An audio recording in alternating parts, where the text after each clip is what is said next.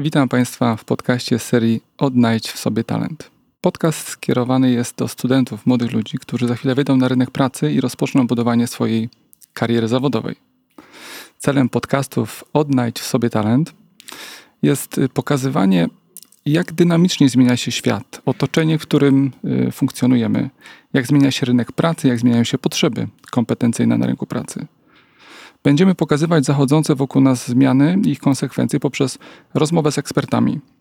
Z ekspertami z organizacji, które wspólnie postanowiły na Politechnice Śląskiej utworzyć inicjatywę Talent Hub.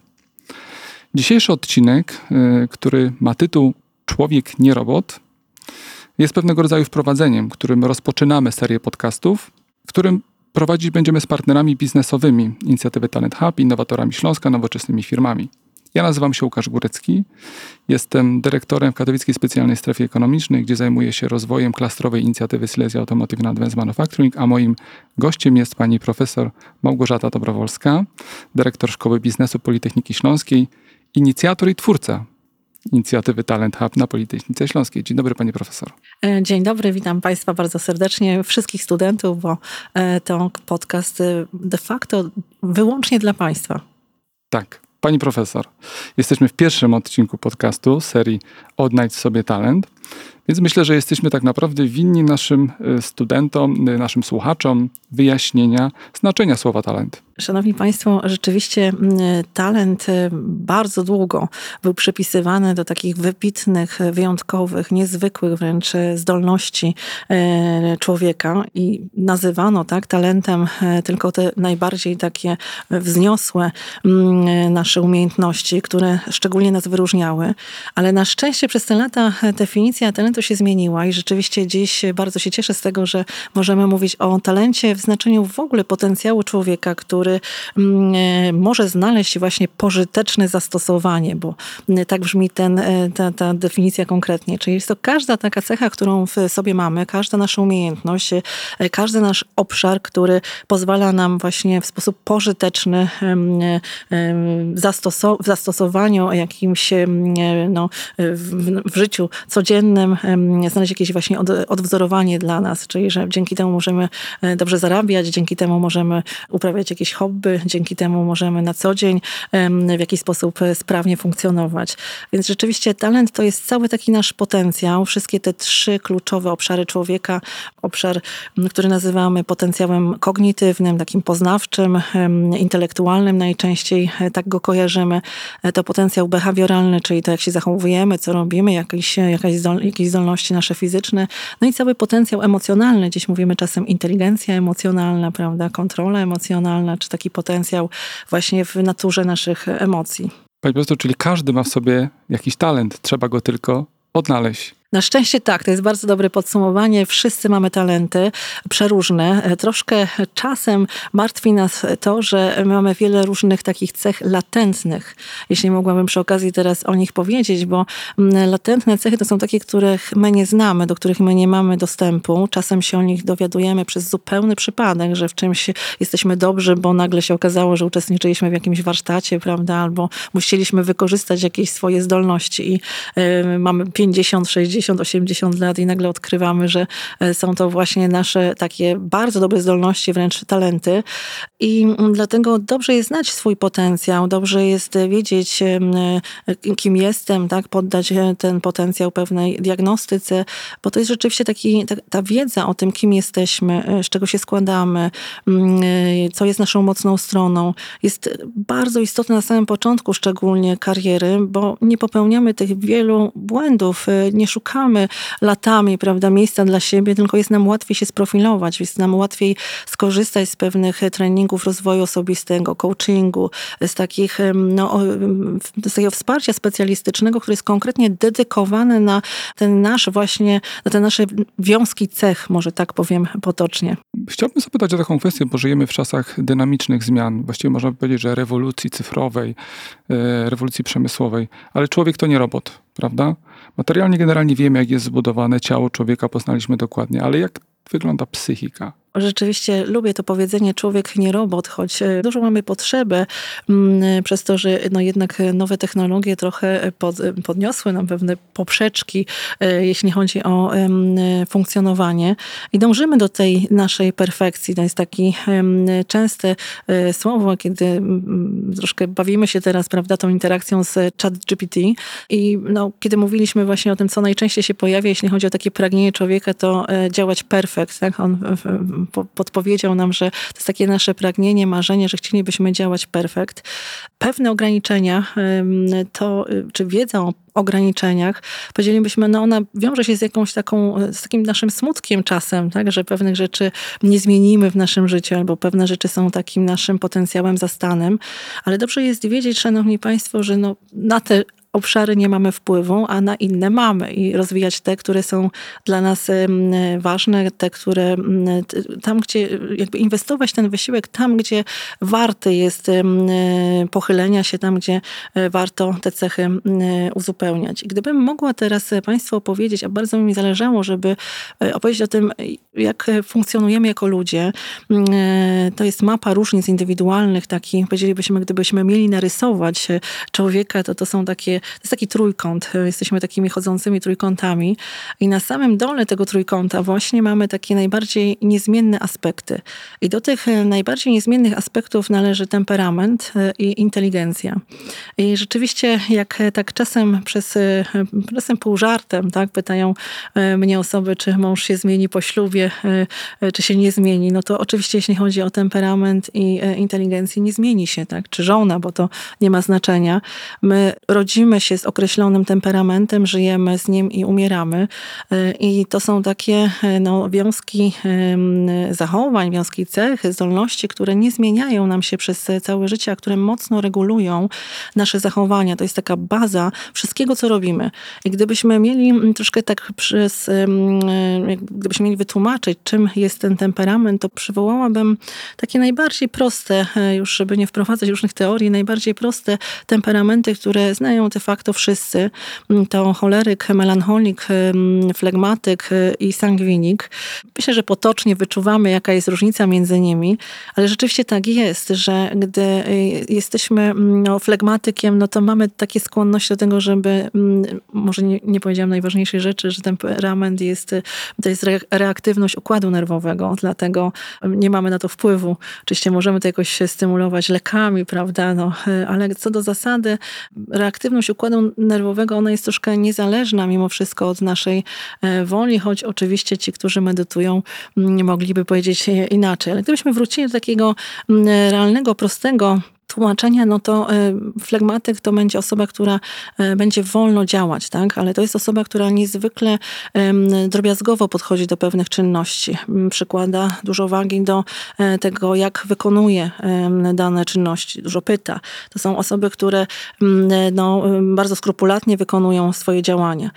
Choleryk to są osoby z kolei, które bardzo szybko wprowadzić w ruch. Tak? Wystarczy, niektórzy mówią, krzywo spojrzeć na choleryka i on już od razu jest e, tutaj e, no, e, zdenerwowany, tak? czy przeżywa różne emocje, ale to jest z kolei osoba, która się nie będzie obrażać. To jest taka osoba, która powie, co myśli, nigdy nie napisze skargi tak? na boku. To jest taka osoba, która jest też niezwykle towarzyska, bardzo pomocna, więc te cechy będziemy u siebie, jeżeli jesteśmy cholerykami, cholerykami obserwować.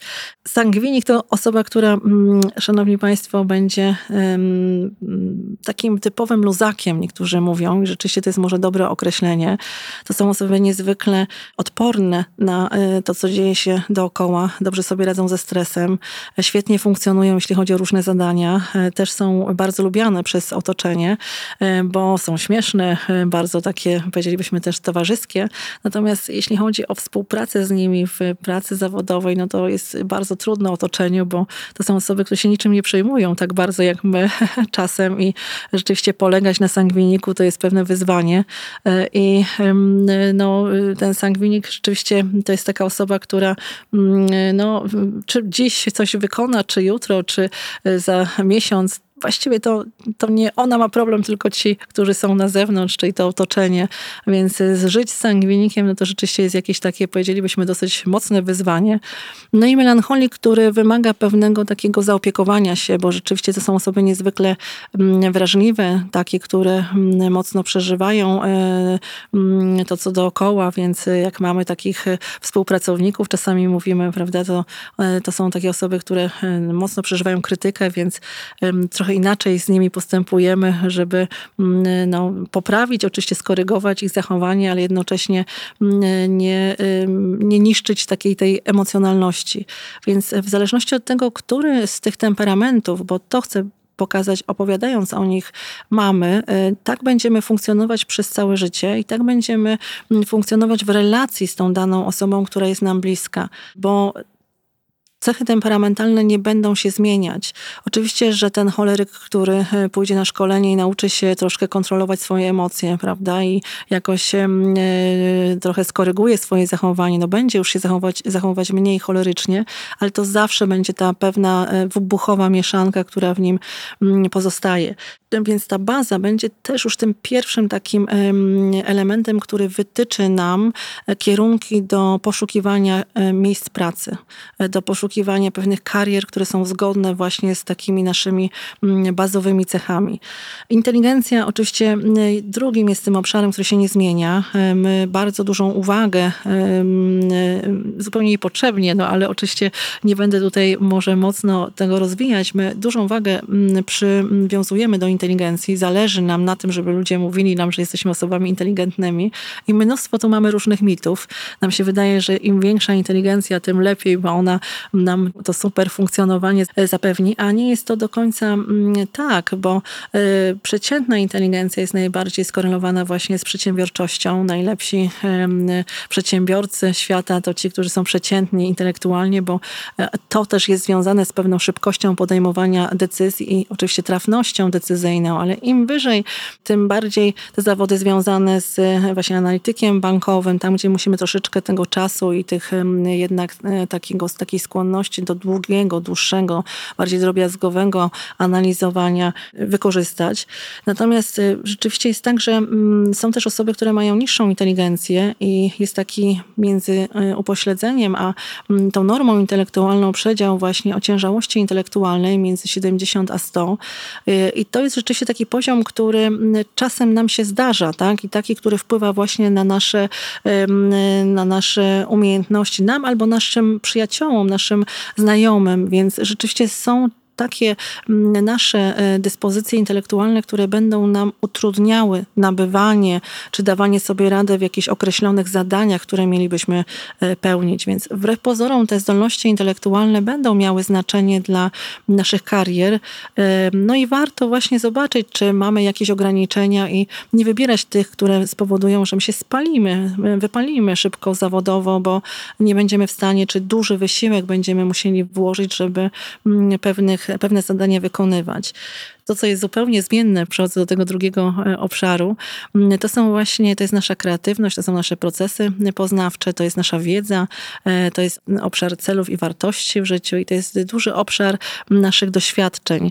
Więc to są wszystko te obszary, w które nas nie ograniczają. To jest tak, że w tym genotypie, który, z którym się rodzimy, w wyniku właśnie interakcji ze środowiskiem, buduje się przecudowny fenotyp, który już w większości, tak, czy w niektórzy mówią w połowie, jest zależny od e, naszego rozwoju, od tego, na co e, postawimy, e, co będziemy rozwijać. I oczywiście tu jest ten obszar do poprawy, tu jest ten obszar do analizy, tu są te nasze cechy, które, na które powinniśmy szczególnie postawić, bo, bo tu jest ten nasz sukces, to jest to nasze zadowolenie, to robienie czegoś, z czego mamy satysfakcję, tu są te wszystkie nasze pasje, czyli to jest cała ta poza tą inteligencją i tym temperamentem ta baza, którą możemy rozwijać. Mamy więc sobie cechy i dyspozycje, które możemy zmieniać, które możemy rozwijać, ale takie, na które nie mamy wpływu i które powinniśmy zaakceptować e, i tak naprawdę wykorzystywać.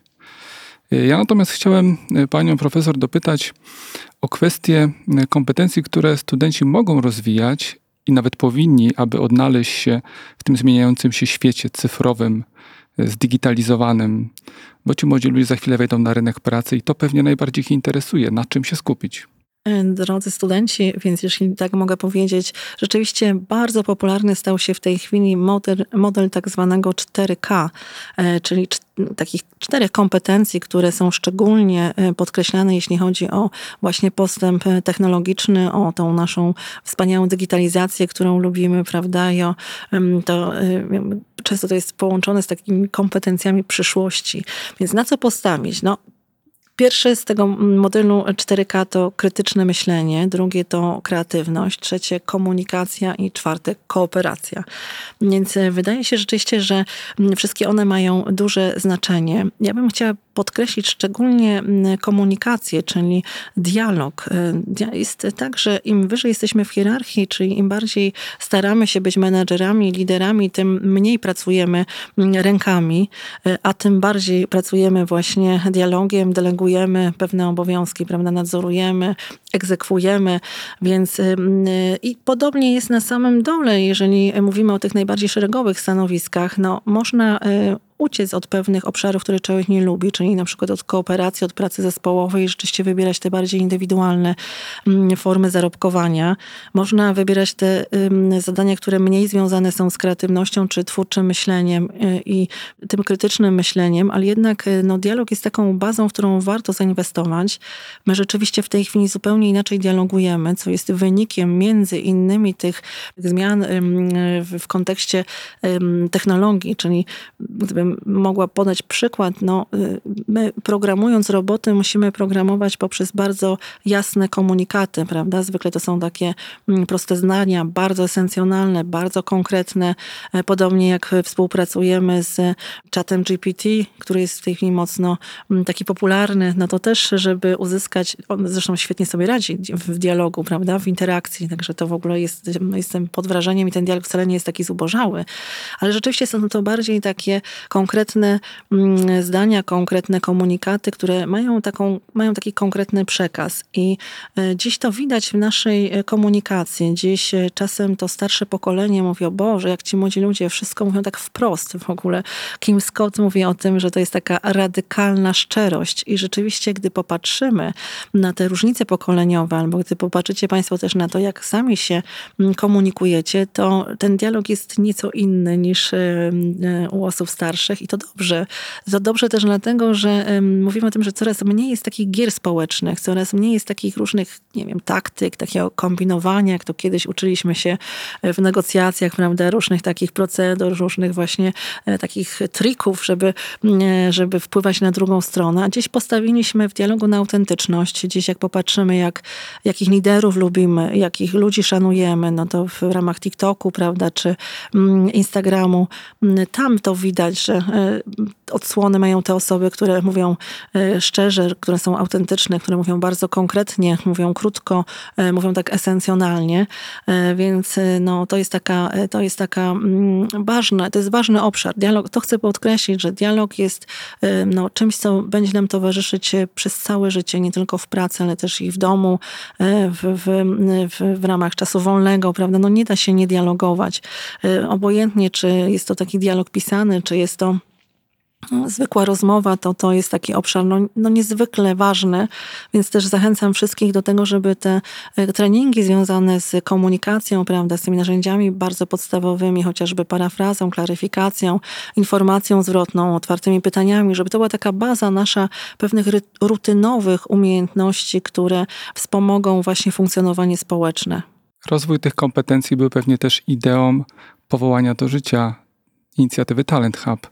Pani profesor, jakby pani mogła jeszcze w parę słowach opowiedzieć o tym, e, co było e, takim pomysłem na to, żeby też taką inicjatywę powołać na Politechnice Śląskiej. Czym jest Talent Hub?